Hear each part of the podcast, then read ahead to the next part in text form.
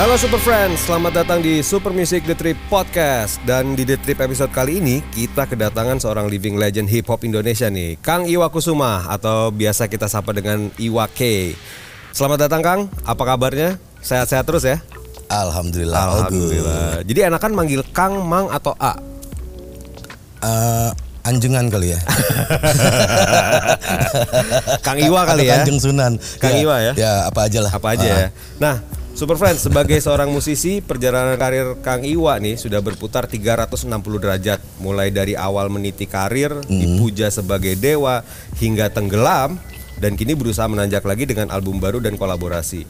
Kang Iwa juga sepertinya salah seorang pionir kultur hip hop dan musik rap ya, yang banyak dapat pengaruh dari musisi lain seperti Farid Harja ya. Kemudian ada Kang Denny Malik, ada Benyamin Sueb dan sempat berkesempatan menjadi session playernya Meli Manuhutu. Kang, Yes. boleh diceritakan nggak skena musik pada tahun 80 90-an itu seperti apa sih pada waktu itu? 80-an, 90-an. Sebenarnya di eh, tahun 82 sampai 84 waktu itu itu ada tren break dance. Breakdance. Break dance di ya di Indonesia ya di Jakarta. Waktu itu gue tinggal di Jakarta. Hmm, mulai tuh eh gue waktu itu masih SMP.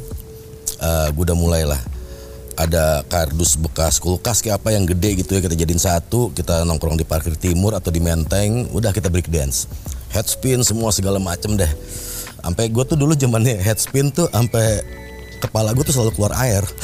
Nggak tahu air apaan tuh? Bukan air keringat kan? bukan keringat. Sampai akhirnya ah gue berhenti di headspin deh. Dan eh, yang jelas waktu itu gue lebih tertarik sama yang mengiringi break dance. Oke, musik. musiknya. Itu rap ya. Itu waktu itu Ice T Afrika Bambata. Afrika Bambata. uh, Randy MC mulai ke sini sini juga mulai Randy MC Eh, udah mulai suka tuh ya Herbie Hancock juga waktu itu ya walaupun waktu itu emang gak ada mus dia lebih ke fusion jazz tapi emang eh, happening banget pada waktu itu. Udah gue mulai jadi plagiator sejati lah. Ah, karena gue suka gue coba buat ngikutin bikin liriknya. Kalau sekarang enak bro. Ada internet. sekarang tinggal lo ngejar lirik udah googling tes keluar langsung liriknya. Oke. waktu itu gue mesti pakai tip gue ya boombox lah ya istilahnya sekarang Eh gue play gue rewind gue play gue rewind. Gue hearing terus. Buat satu lagu itu kayaknya paling nggak ngabisin waktu itu. Ngabisin bisa 10 menit 15 menit lah buat satu lagu ya. Karena you know lah rap gitu kan banyak kata-katanya. Udah dari situ gue coba untuk jadi plagiat tapi gue nggak tahan jadi plagiat karena tip gue jadi rusak mulu nih headnya nih. Karena sering gue rewind play kan. Iya. Eh, akhirnya gue coba untuk bikin lirik sendiri walaupun nyali gue waktu itu bikin lirik tuh masih berani pakai bahasa Inggris Oke. belum berani pakai bahasa Indonesia pokoknya scene-nya seperti itu dan musik pada waktu itu juga ya lebih mus la- tahun 80-an kalau secara musik secara general itu musik yang lagi apa ya euforia sama teknologi program ya waktu itu ya Yap. jadi yang suara drumnya bener-bener yang Drum machine ya. Heeh, cicing cicing cicing cicing gitu kan. Jadi bener-bener yang emang lagi euforia sama sound-sound seperti itu. Ya eh, di luar hip hop juga ada duran-duran dan lain sebagainya. Tapi Ya. kalau dalam hip hop sendiri, emang waktu itu udah eh, udah mulai eh, akar-akarnya boom bap itu udah mulai nongol. Oke. Nah, udah udah gue di situ gue gue mulai nge-rap.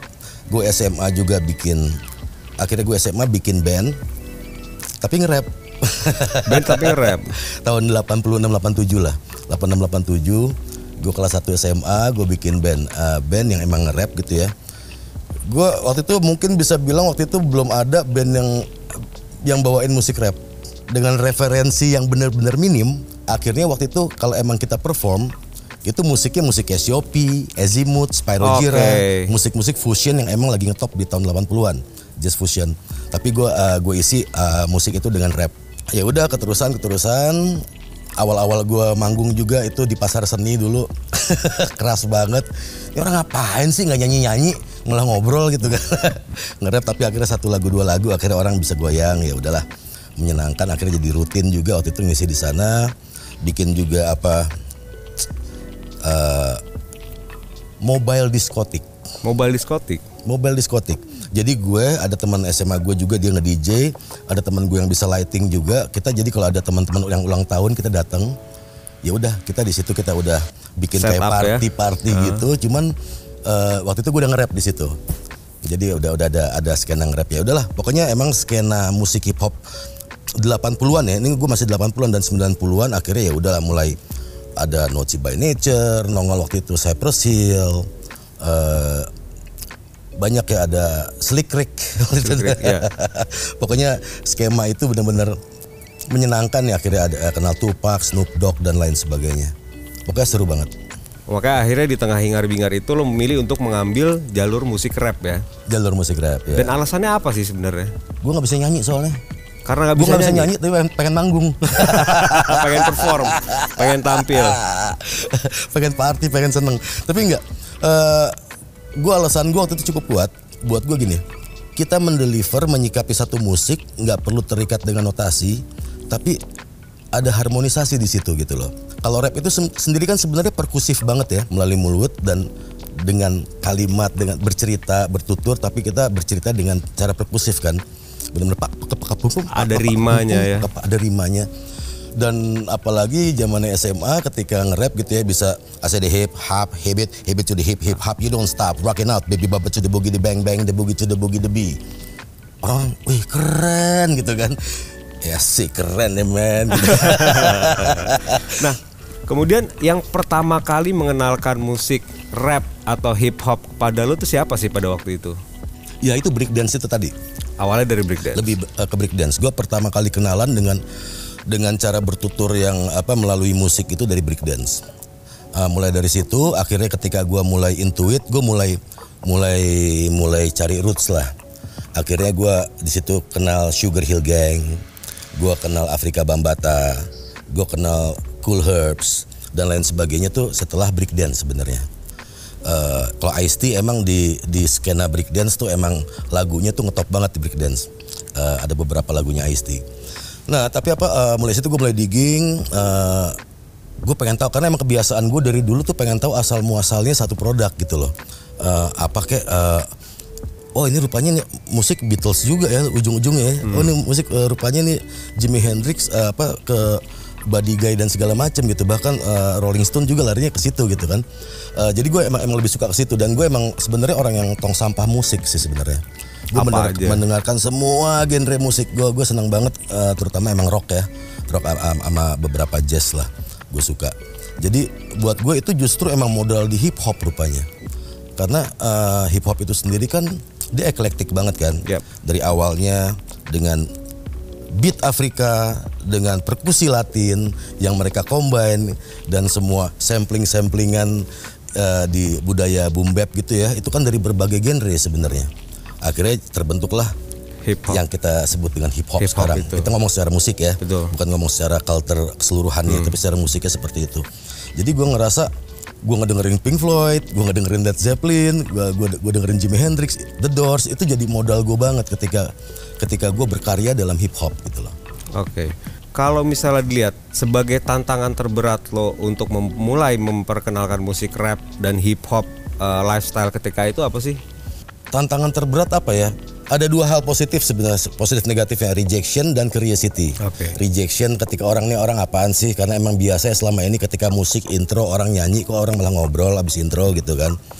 Gue sih di situ gue nggak nggak terlalu ambil pusing ya. Gue bukan tipikal orang yang lo harus suka musik gue jadi ketika gue inget dulu ketika sempet eh, di headline juga ketika presiden kita Habibie presiden Habibie waktu itu mengatakan eh, musik rap itu nggak sesuai dengan budaya bangsa dan lain sebagainya. Gue kaget tuh presiden kita nggak suka sama, sama hip hop gitu kan sama rap. Jawaban gue cuman ini bokap gue aja nggak suka gitu loh. Terus it doesn't bother me. Gue gue bukan tiran yang yang mengharuskan semua orang suka musik gue gue pun ketika gue gua nongkrong dari zamannya gue SMA kuliah teman tongkrongan gue tuh nggak ada yang suka hip hop dan ya udah kita berteman aja gue bukan tipikal orang yang nggak nggak suka sama kemauan gue dan gue jadi benci tuh orang Oke. jadi ketika emang lo bilang tadi gimana cara membuat orang suka, gue nggak ada sama sekali. Artinya gini, gue coba hanya coba menawarkan attitude gue dalam dalam dalam dalam musik musik gue. Orang suka syukur, ada yang relate hayu, nggak relate juga ya udah lu punya hidup lo sendiri gitu loh Oke. ketika emang gue di album pertama gue bikin musik rap gue tuh emang beda dengan musik luar biasanya kan rap tuh loop ya. Gue ada intro. Oke. ada bagian verse ada chorus ada bridge ada interlude. Kebanyakan di album pertama seperti itu. Eh, wah ini nggak hip hop wah. Lah spiritnya hip hop justru eklektik gitu buat gue yang penting ini attitude gue gue naruh attitude gue di karya gue bukan attitude orang lain. Kayak orang bilang gila lo lo kok eh, rap tapi metafor gitu loh banyak lagu-lagu. Gue gue gue ingin bercerita tentang satu bagian dari masyarakat yang termarginalkan misalnya gitu ya. Gue lagu gue cuma ulat judulnya. Gue bercerita ulat yang emang hidup di dalam buah tomat dipetik. Dia nggak dia nggak berdaya ketika tangan-tangan yang berkuasa ngebawa dia ke mana-mana sampai akhirnya dia jatuh di eh, karena udah busuk tomat itu di pasar swalayan di pojokan aja gitu loh. Yaitu gue nggambarin tentang menceritakan tentang ada satu bagian masyarakat yang termarginalkan yang nggak bisa berbuat apa-apa ketika tangan-tangan berkuasa itu mering- merenggut kehidupan eh, kehidupannya. Lagu kapal goyang, orang yang kayaknya wah tentang mabuk kayak wah eh enggak, gue itu tentang persatuan. Jadi emang banyak-banyak kata-kata metafor gue di situ yang gue nggak jelaskan pada press release dan sampai kapan pun. Tapi ketika dua tahun tiga tahun kemudian orang baru ngeh, oh kan tentang ini. ya?" Maksudnya itu. Baru situ. Gue banyak labirin-labirin dal- dalam lir- lirik gue. Dan itu banyak dikritik gitu ya sama teman-teman hip hop ya. Lo kenapa nggak frankly speaking? Karena ini attitude gue. attitude orang itu ya udah itu itu nggak salah juga. Tapi ini attitude gue seperti ini. Gitu. Oke. Nah, kayak tadi lu bilang sebenarnya ada juga pengaruh-pengaruh dari luar eh, dalam musik hip hop, dalam musik rap gitu. Terus lu juga kalau dilihat-lihat banyak pengaruh juga dari musisi Indonesia kalau tadi di awal sempat dibilang kan. Siapa Ah. aja sih selain Farid Harja atau Benyamin Sueb misalnya. Terus bentuknya seperti apa yang yang akhir lo bisa serap dari situ? Eh gue tuh eh, admire banget sama almarhum Benyamin Sueb. Buat gue tuh albumnya dia hip hop banget. Kenapa? Dia berhasil menggabungkan gambang kromong itu dengan blues, gambang kromong itu dengan rock, eh, dengan funk bahkan ya, eh, Amang Ida Royani. Hey mama, Iya, musiknya gila ya. Itu benar-benar eklektik banget buat gue. Dan buat gue spiritnya hip hop tuh eklektik. Benyamin Sueb tuh sang, eh, spiritnya hip hop walaupun dia emang nggak niat itu gitu ya. Tapi buat gue eh, sebagai orang yang sesudahnya ngeliatnya gila hip hop banget nih orang. Bahkan ketika gue baca biografinya banyak sekali emang lirik yang udah disiapin ketika di studio itu berubah dengan eh, Musiknya berubah. musiknya berubah dan delivernya dia bisa berubah dan itu tetap enak. Betul, betul. Buat gue itu apa? Inspirasi banget ketika gue berkarya untuk seperti itu. Gitu loh. Oke. Setelah bicara musisi Indonesia yang menjadi eh, pengaruh buat lo dalam berkarya. Nah, pada pada masa itu musisi rap yang menjadi panutan lo siapa sih, Kang? Gue selalu suka Chuck D dari Public Enemy. Public Enemy. Ah, buat gue eh, Chuck D itu punya karakter suara yang apa ya? Yang susah sih ngomonginnya kayak gue suka emping, gue susah untuk describe kenapa gue suka emping gitu loh. Iya, iya, iya. Tapi gue gue gue suka sama, sama karakter suara Chuck D ya, apalagi udah digabungin sama Flavor Flav dan lain Iya, iya. sebagainya.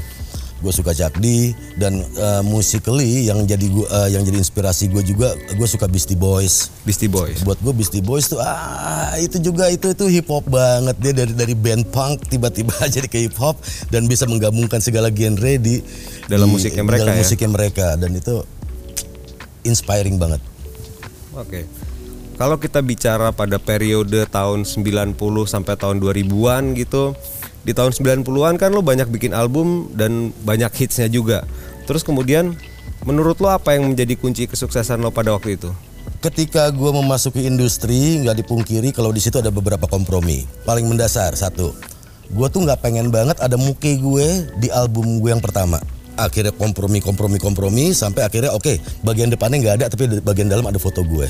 Bahkan gue tadi pengen di video klip nggak ada gue nya gue pengen ada satu konsep aja. Udah tapi akhirnya nggak nggak bisa karena emang waktu itu streamnya seperti itu ya udah gue kompromi di album apa di lagu ku ingin kembali gue minim minim banget gue nongol di situ. Nah ketika nggak lama kemudian Gorilla keluar Yap. tanpa mereka gue bilang si? Bener kan ada yang kayak gitu. si I told you gitu loh. Maksud gue kadang kadang-kadang gitu loh. Yang eh, kita selalu meremehkan konsep dan kita selalu ketakutan bertabrakan dengan stream yang ada yang namanya marketing kan lo mesti boosting yang ada di produk ini apaan. Betul. Kalau emang emang yang ada di produknya pengennya begini, gimana cara marketingnya udah PR kita, bukan akhirnya kita ngikutin cara marketing. Betul. Gitu loh. Gue terus terang gue agak-agak sebel dan marah ketika Gorilla itu keluar tanpa mereka. Anjrit, gue tuh harusnya lebih dulu dari mereka. Karena gue juga punya keinginan supaya hip hop itu uh, rap itu nggak cuma didengar sama yang suka rap. Oke. Jadi gue coba untuk pendekatan pop, Lebih luas lah lebih ya. luas pendekatannya gitu loh. Ada ada beberapa di situ. Tapi gue rasa uh, kompromi itu bukan hal yang saks ya. Mhm. Ketika emang kita juga bisa masih me, me- Memperjuangkan apa, memperjuangkan apa yang kita pengen di situ gitu loh. Iya, iya. Ya terus terang ada itu dan dan gue nggak ngerasa nggak ngerasa menyesal ada itu gitu loh. proses juga dalam Itu perjalanan ya juga. kan proses juga nah kalau misalnya dilihat lagi bisa nggak sih kita menyebut lo sebagai musisi rap pertama di Indonesia itu disematkan pada diri lo Disematkan. Gue gue terus terang kalau emang ya orang yang emang akhirnya declare sebagai musisi rap iya. Karena waktu itu nggak ada yang bilang sebagai musisi rap. Even Benyamin, even uh, almarhum Benyamin, even almarhum Farid Harja dan lain Farid Harja, sebagainya. betul.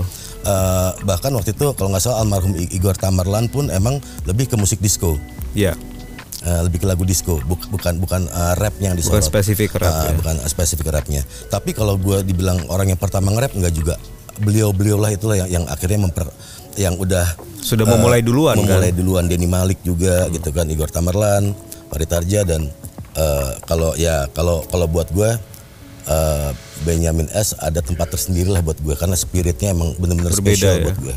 Iya, banyak maksudnya jenis musik yang dia mainkan dengan caranya dia tanpa menghilangkan karakternya dia gitu Tanpa ya. menghilangkan karakter karakternya dia gitu. Nah, kalau kita bicara ke periode 90-an nih, lo banyak memotori atau mensupport eh, orang-orang yang pada akhirnya ingin lebih dalam mem- mempelajari atau mendengarkan rap, hip hop gitu. Sampai akhirnya lo memotori album-album rap kompilasi, pesta rap misalnya. Apa sih tujuan sama motivasi lo untuk mengambil Sebenarnya, langkah ah, itu? yang memotori pesta rap itu guest music. Guest music tuh pengen ada orang yang bisa akhirnya against gue. Yang bener-bener yang wah nih ah, nih wah udah udah kelebihan nih. Nih mesti ada lawannya nih. Terus terang ya yang namanya attitude dulu ya umur 20-an tahu-tahu manggung segala macam bla bla bla segala macam mungkin kadang-kadang gue jadwal rekaman juga.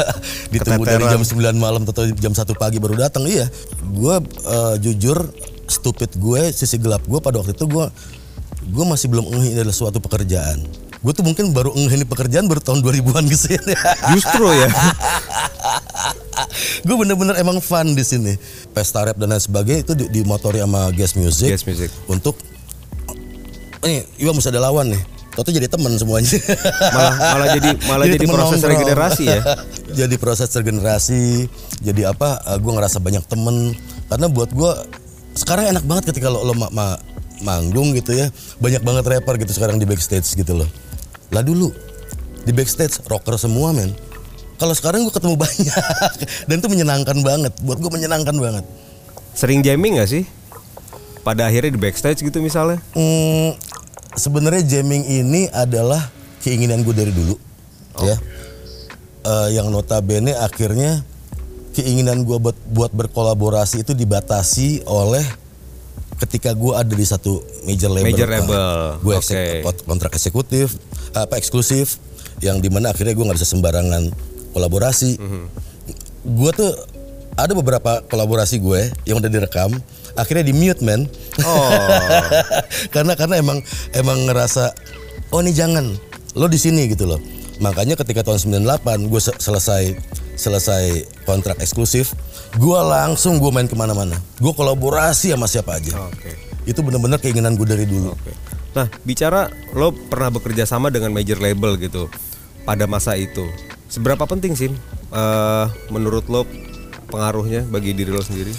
Gue nggak ngeliat ini major atau enggak buat gue ketika orang berkarir siapa pun lo ketemu di situ itu adalah orang penting dalam diri lo. Siapa pun itu. Siapa pun. begitupun itu waktu wala- walaupun waktu itu bentuknya bagi gue adalah major label.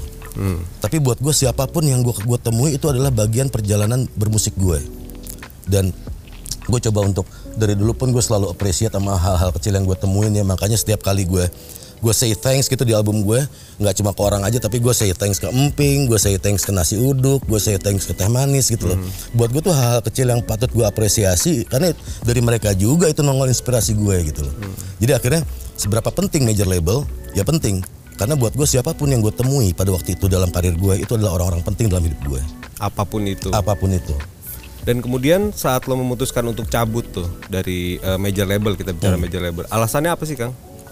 Waktu itu emang eh, guest music selesai kontrak di sana, tapi masih ingin dilanjutkan sama gue. Tahu dong, twenties. Wah nggak ada masa teman gue cabut, gue nggak cabut. Oke. Akhirnya gue ngerasa dan gue pamit baik-baik, gue nggak mau ada di situ karena waktu itu guest pengen bikin label indie, Eh, album Vini Vidi Funky itu udah udah udah udah indie. Eh, emang berat sih ninggalin karena emang banyak eh, banyak orang-orang baik juga di musika ya. Tapi eh, karena gue juga ngerasa di sini gue besar sama Guess. Ketika Guess juga udah pengen bikin le, le- Guess nggak narik gue sama sekali. Lu di sana aja gitu loh. Tapi gue ngerasa Come on man, gue pengen sama lo man. Eh, itu ada satu lagu bahasa Inggris, gue nge-rap pertama kali. Pertama kali gue kenalan sama mikrofon rekaman tuh di album di albumnya Guess yang itu. Albumnya guys gitu. Dari situ, Guess akhirnya punya project ke Jepang sama Meliana Manhutu. Gue juga dilibatin. Gue sebelum bikin album makanya sering bolak-balik ke Jepang. Sampai akhirnya di tahun ya tahun 90-an Guess bilang, "Eh lo bikin album dong bahasa Indonesia." Hah? Buat dipasarin di sini. Gue nggak bisa bikin lirik men bahasa Indonesia. Gue tuh masih belum punya guts buat bikin lirik bahasa Indonesia dulu. Gue lirik gue bahasa Inggris dicampur sama bahasa Sunda, bahasa Ambon, bahasa Jawa. Gue masih lebih berani nge-rap dengan bahasa daerah Tidak dengan dibandingin bahasa Indonesia. Sampai akhirnya gue coba untuk workshop, gue coba untuk spirit lokal yang gue angkat. Bukan akhirnya, eh yo man, gue ketembak kaki gue man, gue di sini. Enggak. Jadi yang emang coba gue angkat adalah apa yang gue lihat sehari-hari, gue yang coba untuk gue tumpahin ke dalam karya. Sebagai seorang musisi pada masa itu tuh eh, masih bicara dengan major label. Apa sih kelebihan dan kekurangannya bekerja sama sama major label? Eh pasti ada, yaitu tadi kenapa akhirnya nongol kompromi. Beber- beberapa yang lain, kok lu bisa sih kompromi kayak gitu? Ketika gue pengen lagu keram otak dibikin video klip misalnya, wah itu diskusinya gila-gilaan. Karena itu juga anak-anak guest juga, hah, lu milih keram otak, Wak? Iya. Loh ini kan secara musik hip hop juga enggak.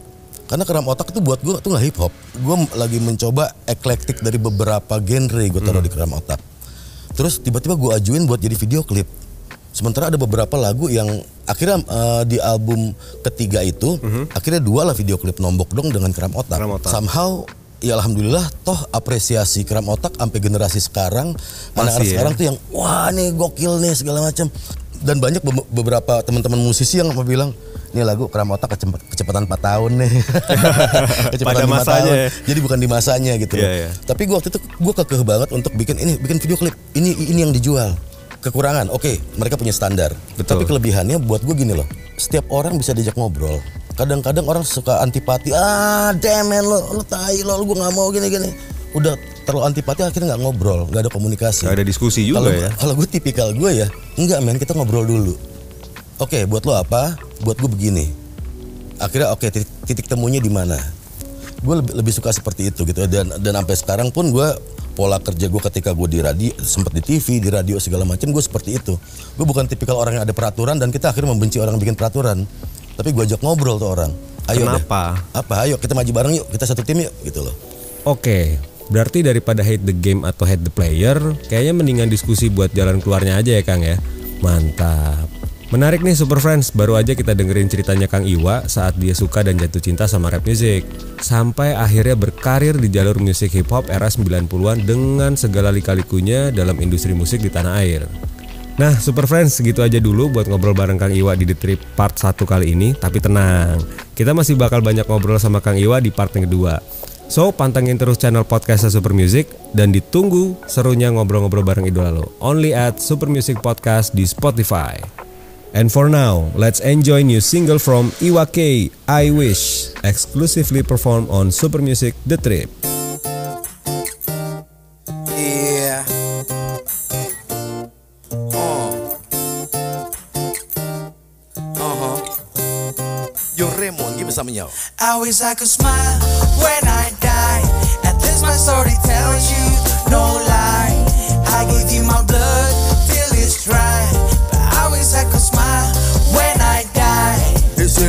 merasa senang. Di sana ku merasa senang. Di mana-mana hatiku senang. Yang penting semua senang. Daripada aku di sini ait Cuma pusing mikirin kelakuan netizen yang hobinya bullying ait. Sediain waktu untuk ngurusin hidup yang lagi dijalani oleh orang lain. Mending sekarang ku coba asik dengan diriku Melepaskan beban yang kerap membelenggu. Walau berbagai badai harus ku hadapi Yang penting tercapai apa yang ku ingini. Yo senyum di sana, Di sana. senyum di sini. Di Ku sini. taklukkan semua yang menghalangi tanpa kompromi taklukkan gravitasi dan nutonisasi. Kini saatnya untuk membebaskan di- di- Jadi di- diri ini. baby Baby. Kamu aku makin crazy Crazy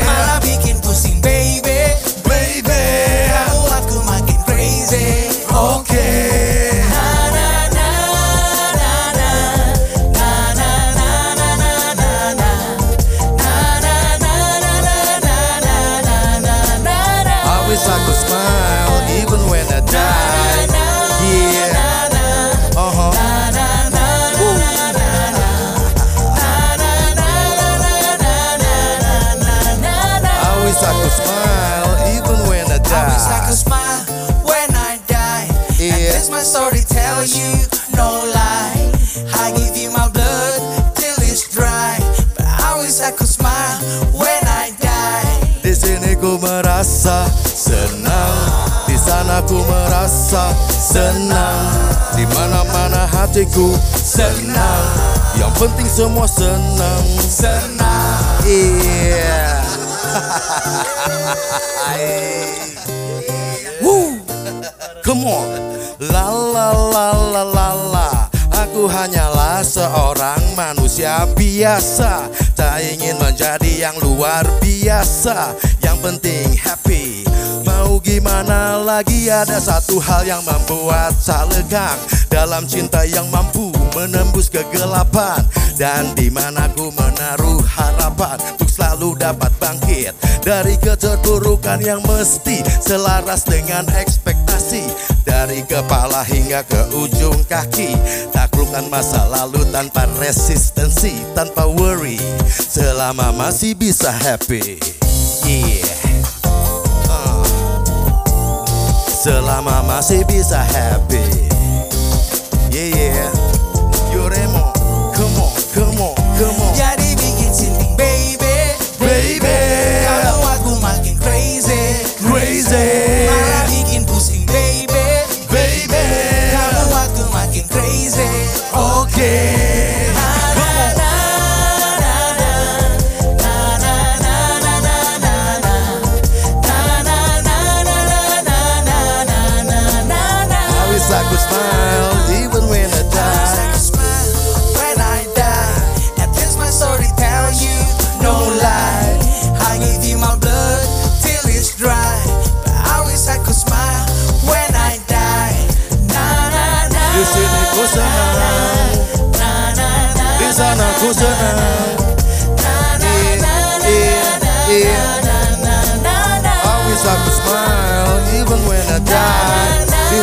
senang Di sana Yeah. Come on, yo. I wish I could smile? Even when I die